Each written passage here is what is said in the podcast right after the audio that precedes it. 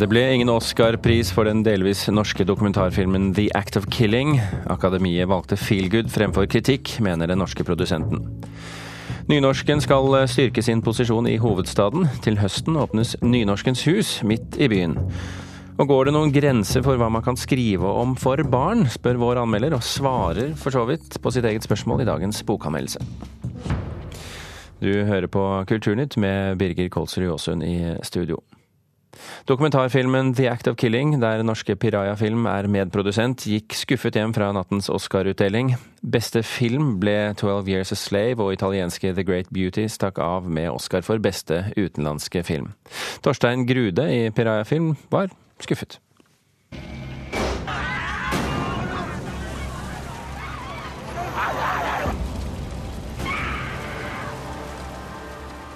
The Act of Killing handler om massemordet på kommunister i Indonesia på 1960-tallet. 13 nordmenn har jobbet med filmen, blant dem er Torstein Grude, som har hatt en spennende natt i Los Angeles. Vi er veldig skuffa. Samtidig så er det jo eh, egentlig som forventa. Um, altså vi, vi tapte mot en uh, feel good-film som uh, ligger akademiet nært hjertet, holdt jeg på å si. Altså, det er um, det, det, er vanskelig for, for akademiet her å, å, stemme på en, en så tung og, og, mørk og vanskelig film som det vi har lagd. Filmen er jo dypt sett veldig kritisk til amerikansk politikk. Hvordan eh, er det å være med på dette sirkuset som Oscar-utdelingen er? Det for oss er det helt fantastisk. Det, er, det, er, altså det å være nominert det er en stor bragd i seg selv, Og vi har oppnådd veldig mye. Fått enormt mye fokus på filmen.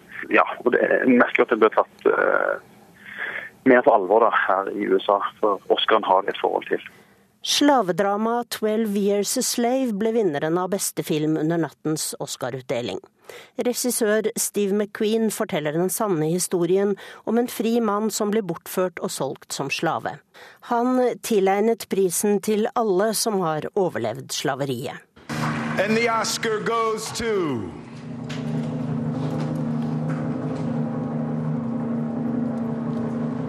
12 years a slave.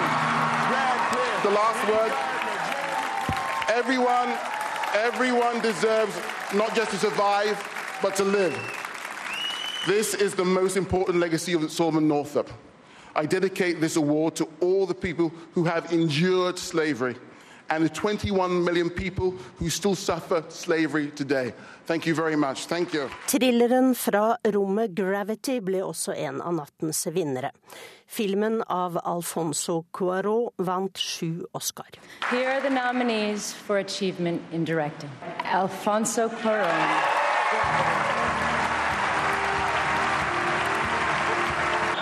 What it really sucks is that um, well, for a lot of these people, that transformation was wisdom. For me, was just the color of my hair. Takketalen til vinneren av beste mannlige birolle, Jared Leto, skilte seg ut. Han rettet blikket mot verdens urolige hjørner.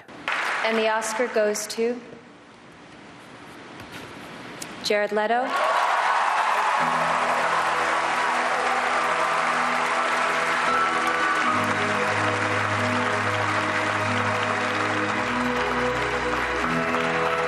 To all the dreamers out there around the world watching this tonight in places like the Ukraine and Venezuela, uh, I want to say uh, we are here, and, and as you struggle to, to make your dreams happen, to live the impossible, we're thinking of you tonight. Støtte til eh, de som var eh, de som sliter i Ukraina og Venezuela fra Jared Leto der. NRK-korrespondent, eh, og, og, bare så det er sagt, det var Tone Staude som hadde laget denne reportasjen. NRK-korrespondent i USA, Anders Tvegård, du har kommet deg på hotellet etter 14 timer i presserommet i Oscar-forvaring, så å si. Har du nå pugget hvem som gikk med hvilke kjoler på den røde løperen? Akkurat det, det, har jeg ikke gjort. Har ikke? Uh, men, uh, men, kjoler og moter, det er jo det som uh, opptok alle, bortsett fra noen av oss, de to timer ankomstseansen varte. Og, og, sånn sett så er jo også den røde løperen det er jo da det ultimate PR-stedet for, for, designere. og Det er en plass også som, der du finner alle de viktigste i, i amerikansk filmindustri akkurat nå. så det er, vel, eh, det er, vel, sånn det blir da, med, med, både at man får mye ut av dagen, og også at uh, man får være en del av det fyrverkeriet og det som er den viktigste kvelden i Hollywood gjennom året. Komikeren og TV-verten Ellen DeGeneres var konferansier for andre året på rad. Har de, har de funnet en slags vinneroppskrift med henne? Ja, Hun har i hvert fall tatt showet tilbake til mer eh, trygge, kjente rammer. Hun spøkte og vitset med kjendisene. Jeg husker f.eks. at hun eh, snakket om eh, skuespilleren fra Captain Phillips, han som er fra Somalia. Hun mente at han var en sommelier og derfor måtte være god og vite mye om, om viner. Det ble tatt relativt godt imot. Hun var også mye ute i salen. Hun tok selfies, bilder av seg selv med stjernene, og fikk også Twitter til å bryte sammen sammen på et uh, tidspunkt. Det var en litt sånn lett og ledig stil, ganske ufarlig og også folkelig. og hun understreket det å bestille pizza til, eh, til, publikum, og ba eh, noen av de rike gjestene betaler. Du satt altså 14 timer i presserommet, og inn dit så kom jo alle vinnerne. Hvordan opplevde du dem? Blasert, sjenert, eller var det kule folk der? Ja, altså Alle kom jo fortløpende inn, og du sitter i, i dette rommet her. Du holder opp en uh, nummerlapp når du ønsker å stille et uh, spørsmål. Flere på scenen syns jo det var et uh, artig syn å se pressekorpset holde opp lapper, og mente det kunne minne om alt fra bingo til, til en, en auksjon. Han som kanskje gjorde mest inntrykk, det var Jared Lero. Han snakket om folkets kamp i Venezuela og Ukraina Ukraina. Han hadde eh, tanker som han, eh, han eh, delte, som stakk litt dypere enn uh, gjennomsnittet. Og, og, Han lot oss også da kjenne på Oscar-statuetten sin. Han ville gjøre et poeng av hvor tung den var, og, og sendte den altså da rundt i, i pressesalen.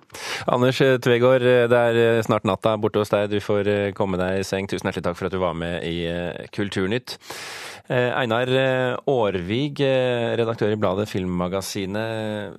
Velkommen til Kulturnytt. Tusen hjertelig takk. Oscar-utdelingen sett under ett, hvordan tror du den vil bli husket? Jeg vet ikke om dette er en utdeling som kommer til å gå over historien. Det har ikke vært en sånn, sånn Ben Hur-variant eller Titanic hvor én film liksom har vunnet tolv priser. Eh, beste film, 'Twelve Years a Slave', tror jeg kanskje heller ikke er en film som man snakker så mye om om uh, ti år. Det, er, det, var vel egentlig 'Gravity' da, sin kveld uh, i, i natt. Eh, så det, den store tekniske bragden da, som, mm. uh, som, Gravity er, og, og, at den ble hyllest og, og, æret for det, det er vel, Hvis noe henger igjen, så er det vel eh, det, vil jeg tro. da. Og Men, selvfølgelig altså, to mannlige skuespillerpriser til Dallas Buyers Club. Mm. Hva forteller nattens vinnere om filmkunsten for tiden? Ja, Det er et stort uh, spørsmål. Altså, uh, altså, altså, Oscar forteller vel egentlig generelt svært lite om filmkunst. Det, altså, det forteller hva uh, mannlige, hvite filmarbeidere med en snittalder på 60 pluss i Hollywood, hva de synes er god filmkunst. Det er jo en, en, sånn at man skal kåres blant likemenn-priser. Jeg syns jo det er synd, da, som, som, hvis man skal ta liksom de kunstneriske diskusjonene, at, det er, at Act of Killing ikke, ikke, vant. Og det mener jeg både som uh, filmentusiast og som uh, patriotisk uh, nordmann. At den gikk til en mer sånn feel good-variant allikevel. Ja. For femte året på rad er det altså en ikke-amerikansk regissør som vinner kategorien for beste regissør. Har amerikanerne mistet dette grepet nå, tror du? Ja, Du ser jo at de er jo hele tiden på, på jakt etter andre talenter. Nå driver Morten Tyldum, Kon-Tiki-gutta, eh, Tommy Wirkola eh, får jobb eh, der borte. De er veldig på jakt altså, etter folk som kan liksom, forvalte den amerikanske historiefortellingen, men gjerne sett litt utenfra. Jeg tror det er et land litt i identitetskrise. At de er litt nysgjerrig på egentlig hvem de selv er, og at det sånn sett er interessant å få inn folk som ser USA med litt andre øyne. Og dette kan det være et eksempel på. Einar Aarvik, tusen hjertelig takk for at du kom til Kulturnytt. Bare hyggelig.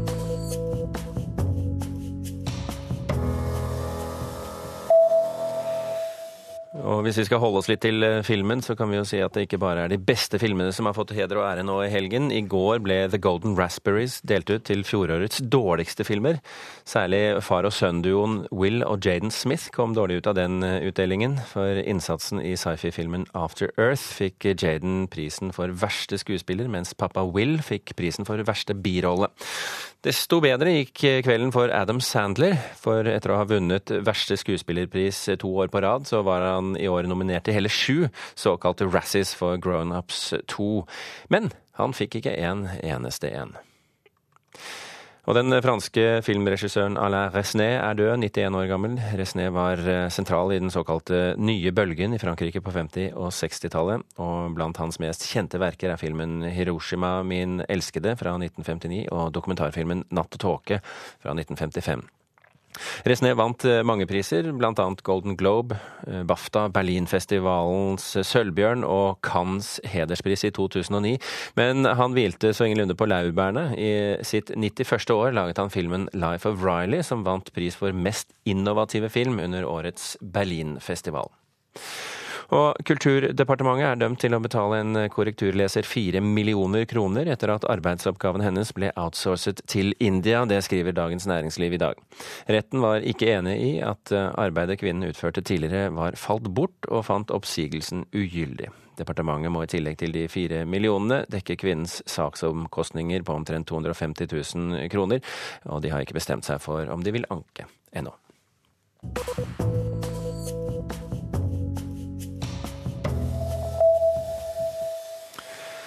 Og I helgen så åpnet også utstillingen RB Kitai, Diaspora, på Astrup Fearnley-museet her i Oslo. Mona Palle Bjerke, kunstkritiker i NRK. Eh, først av alt, hvem var Kitai? Ronald Brooks Kitai var en amerikansk eh, kunstner som tilbrakte mesteparten av sitt eh, kunstnerliv i England. Og han er en av flere kunstnere som i etterkrigstiden tar opp igjen et fortellende, eh, figurativt uttrykk i en tid hvor det abstrakte formspråk sto veldig sterkt. Han er en kunstner som det er vanskelig å plassere, for han er dels da ekspressiv i sitt uttrykk, altså følelsesladet og med sterke gester og farger og former. Eh, samtidig så knytter han seg også til popkunsten ved at han tar inn en del eh, populærkulturelle motiver og elementer, også jobber med collage osv. Og, og uh, som popkunstner, for å kalle det det, så er det jo ikke til å, å undres over at han Dette er en del av Astrup Fearnley-samlingen, er det ikke det? Ja, Disse bildene? Det er det. Og mest, flesteparten det er en håndfull som er lånt inn også. Men han er jo en del av den hva skal jeg si, mer den modernistiske samlingen, den litt eldre delen av Astrup Fearnley-museets samling, da, selv om mm. han jo ikke døde før i 2007. Ja. Hvilke konkrete verk eh, har du bitt deg merke i på denne utstillingen? Eh, det var jo mye man kunne ta fatt i her. Det er en mektig utstilling. Den er ikke så stor, det er 29 verk, men det er veldig mye man kunne ha lyst til å snakke om. Men ett verk som jeg ikke kommer utenom, det er dette eh, mye omtalte Killer Critics-verket hans, hvor han tar en blodig kunstnerisk hevn med den britiske kunstkritikerstand, etter at han da i 94 fikk en veldig samlet slakt etter en separatutstilling på Tate.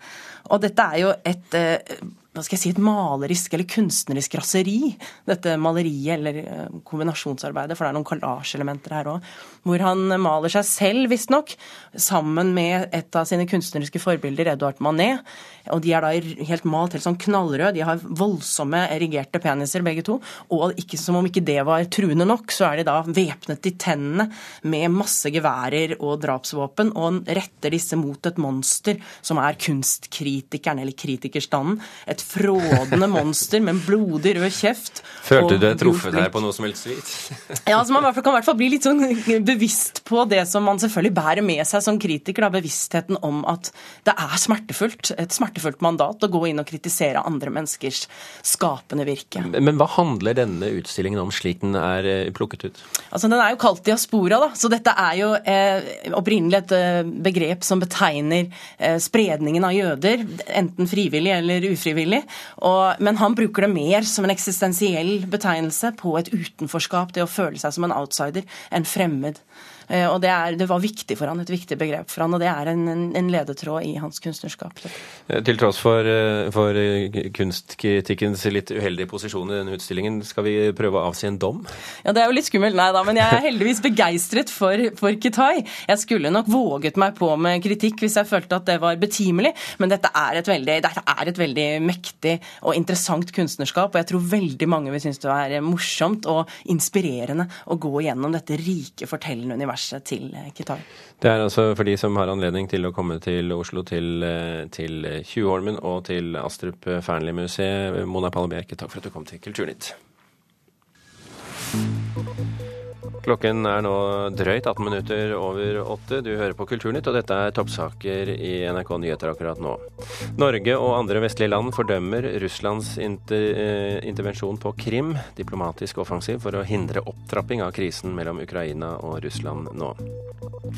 Mange med nedsatt funksjonsevne blir diskriminert på norske utesteder. Det sier Likestillings- og diskrimineringsombudet. Eh, antall fostre med Downs syndrom som eh, blir abortert har aldri vært høyere enn i 2012. Det viser tall fra Medisinsk fødselsregister. Og følg med videre her i Kulturnytt, så skal du få en oppsummering av bylarm om ikke lenge. Men vi skal først til eh, Oslo sentrum. Det er helt uh, nødvendig at nynorskens posisjon blir styrket i hovedstaden. Det mener Bondeungdomslaget, som åpner Nynorskens hus i Oslo. Målet er å få et kulturelt nynorsk kvartal midt i sentrum. De klikker og klakker og klakker og klikker i mine tanker, der hjertet mitt banker. Orda triller ut på nynorsk i teatersalen til Bondeungdomslaget i Oslo. Er Tolv år gamle Amran og Donja fra Tøyen skole er med på den mangfoldige scenen her. De er ikke så vante med å bruke nynorsk, men det er blitt lettere etter hvert som de har prøvd seg. Først så var det litt rart, men etterpå så ble jeg vant til det. Og jentenes leik med nynorsk er viktig for målforma. Nå har Bondeungdomslaget, i samarbeid med mellom andre Det Norske Samlaget og Det Norske Teatret, satt seg som mål om å styrke nynorskens posisjon i byene. Til høsten åpner Nynorskens hus, forteller Liv Hege Sagestad, som er utviklingsansvarlig. Her skal være huset for folkets røst, i spennet mellom verdenslitteratur og barn som får lov å gå på scenen for første gang. Her skal også være aksene mellom folkedans, litteratur, språk, debatt, eh, teater og sang og musikk. Hei. Hei, hei, hei. Bondeungdomslaget har fått Jon Fosse med på laget. Det er han som har kommet på navnet Nynorskens hus, som skal ligge i Rosenkrantz gate 8, mellom Det Norske Teatret og Bondeheimen. Tanken er at dette området skal bli et kulturelt nynorskkvartal i Oslo. Jeg har levd hele mitt liv som nynorskskrivende menneske. Og i den grad jeg har en posisjon i samfunnet, så er det min jobb rett og slett, og min plikt å hjelpe til med å holde nynorsken oppe og holde den i live. da. Men hvorfor kommer du ikke? Jo, jeg kommer. Inne i teatersalen er de første prøvene til Fosses stykke Hav i gang. Jeg tror ikke at jeg har vært her før. Bondeungdomslaget er hovedprodusent. Og det er dette stykket som skal åpne Nynorskens hus 26.9. Det er klart at det er en stor ære å få være vertskap av Jon Fosse. Og det er klart at da setter du også søkelyset på et perspektiv om at dette er huset hvor de profesjonelle skal stå på scenen, og det er også huset hvor de små amatørene skal få uttrykke seg. Og det er kanskje dette møtepunktet mellom profesjonelle amatører som er en særegenhet i dette huset. De klikker og klakker og klakker og klikker i mine tanker, der hjertet mitt banker og sjela mi vanker. Reporter eh, i eh, Oslo, det var eh, Eline Buvarp Årdal.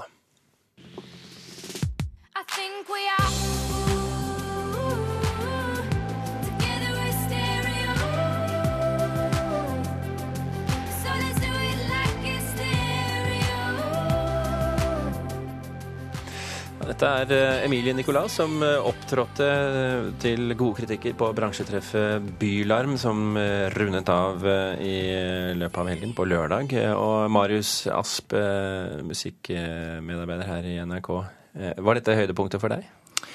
Dette var den klart beste konserten jeg så sjøl, ja. Den var, den var, overveldende bra. I en egen liga, som min kollega hadde som overskrift, og ga terningkast seks. Eh, det var rett og slett Hun, hun lager en, en såpass ambisiøs og avansert popmusikk som treffer sterkt emosjonelt likevel. Så jeg tror hun kommer til å prege 2014. Men, men er det derav også bra, en bra artist for nettopp Bylarm, som, eh, som, eh, som et slags bransjetreff-sted, konsertarrangement? Ja, det kan du absolutt si, fordi eh, det er jo en, en form for popmusikk som er veldig Veldig mange gjør den for tida, og, og slett ikke alle er like bra. Men altså når, når det kommer en artist som er såpass eh, ferdig og, og trygg på hva hun vil si, så, så stikker hun seg veldig ut som veldig sterk. Da. Eh, vil du si at noen slo igjennom på årets Bylarm? Ja, I tillegg til Emilie Nicolas så er det jo kanskje særlig to som det har vært veldig mye snakk om på sosiale medier og uh, i uh, aviser. Og det er jo da 17 år gamle Aurora Aksnes fra Os, som, uh, som lager litt samme type musikk som Emilie Nicolas. Altså kunstpop da, med, med veldig god vokal.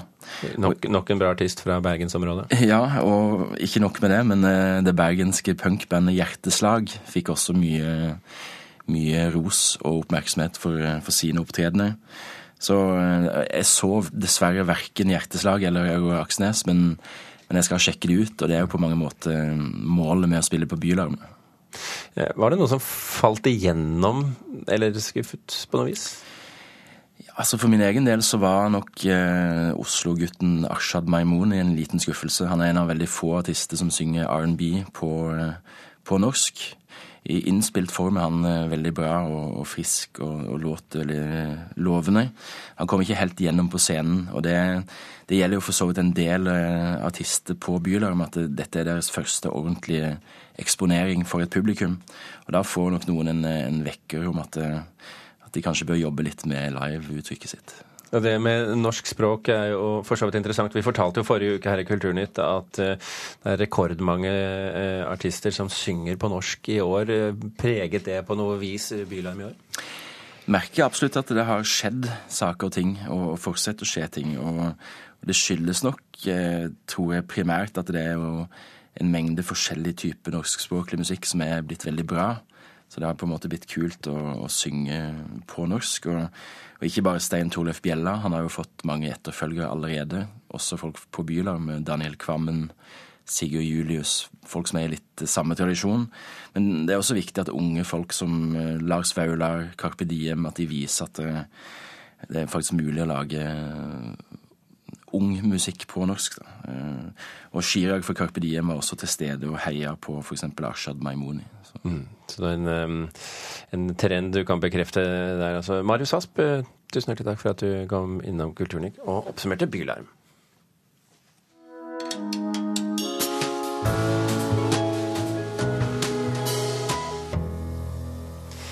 Mobbing, omsorgssvikt, overgrep, det er jo velkjente temaer i dagens, i dagens, norske barnebøker.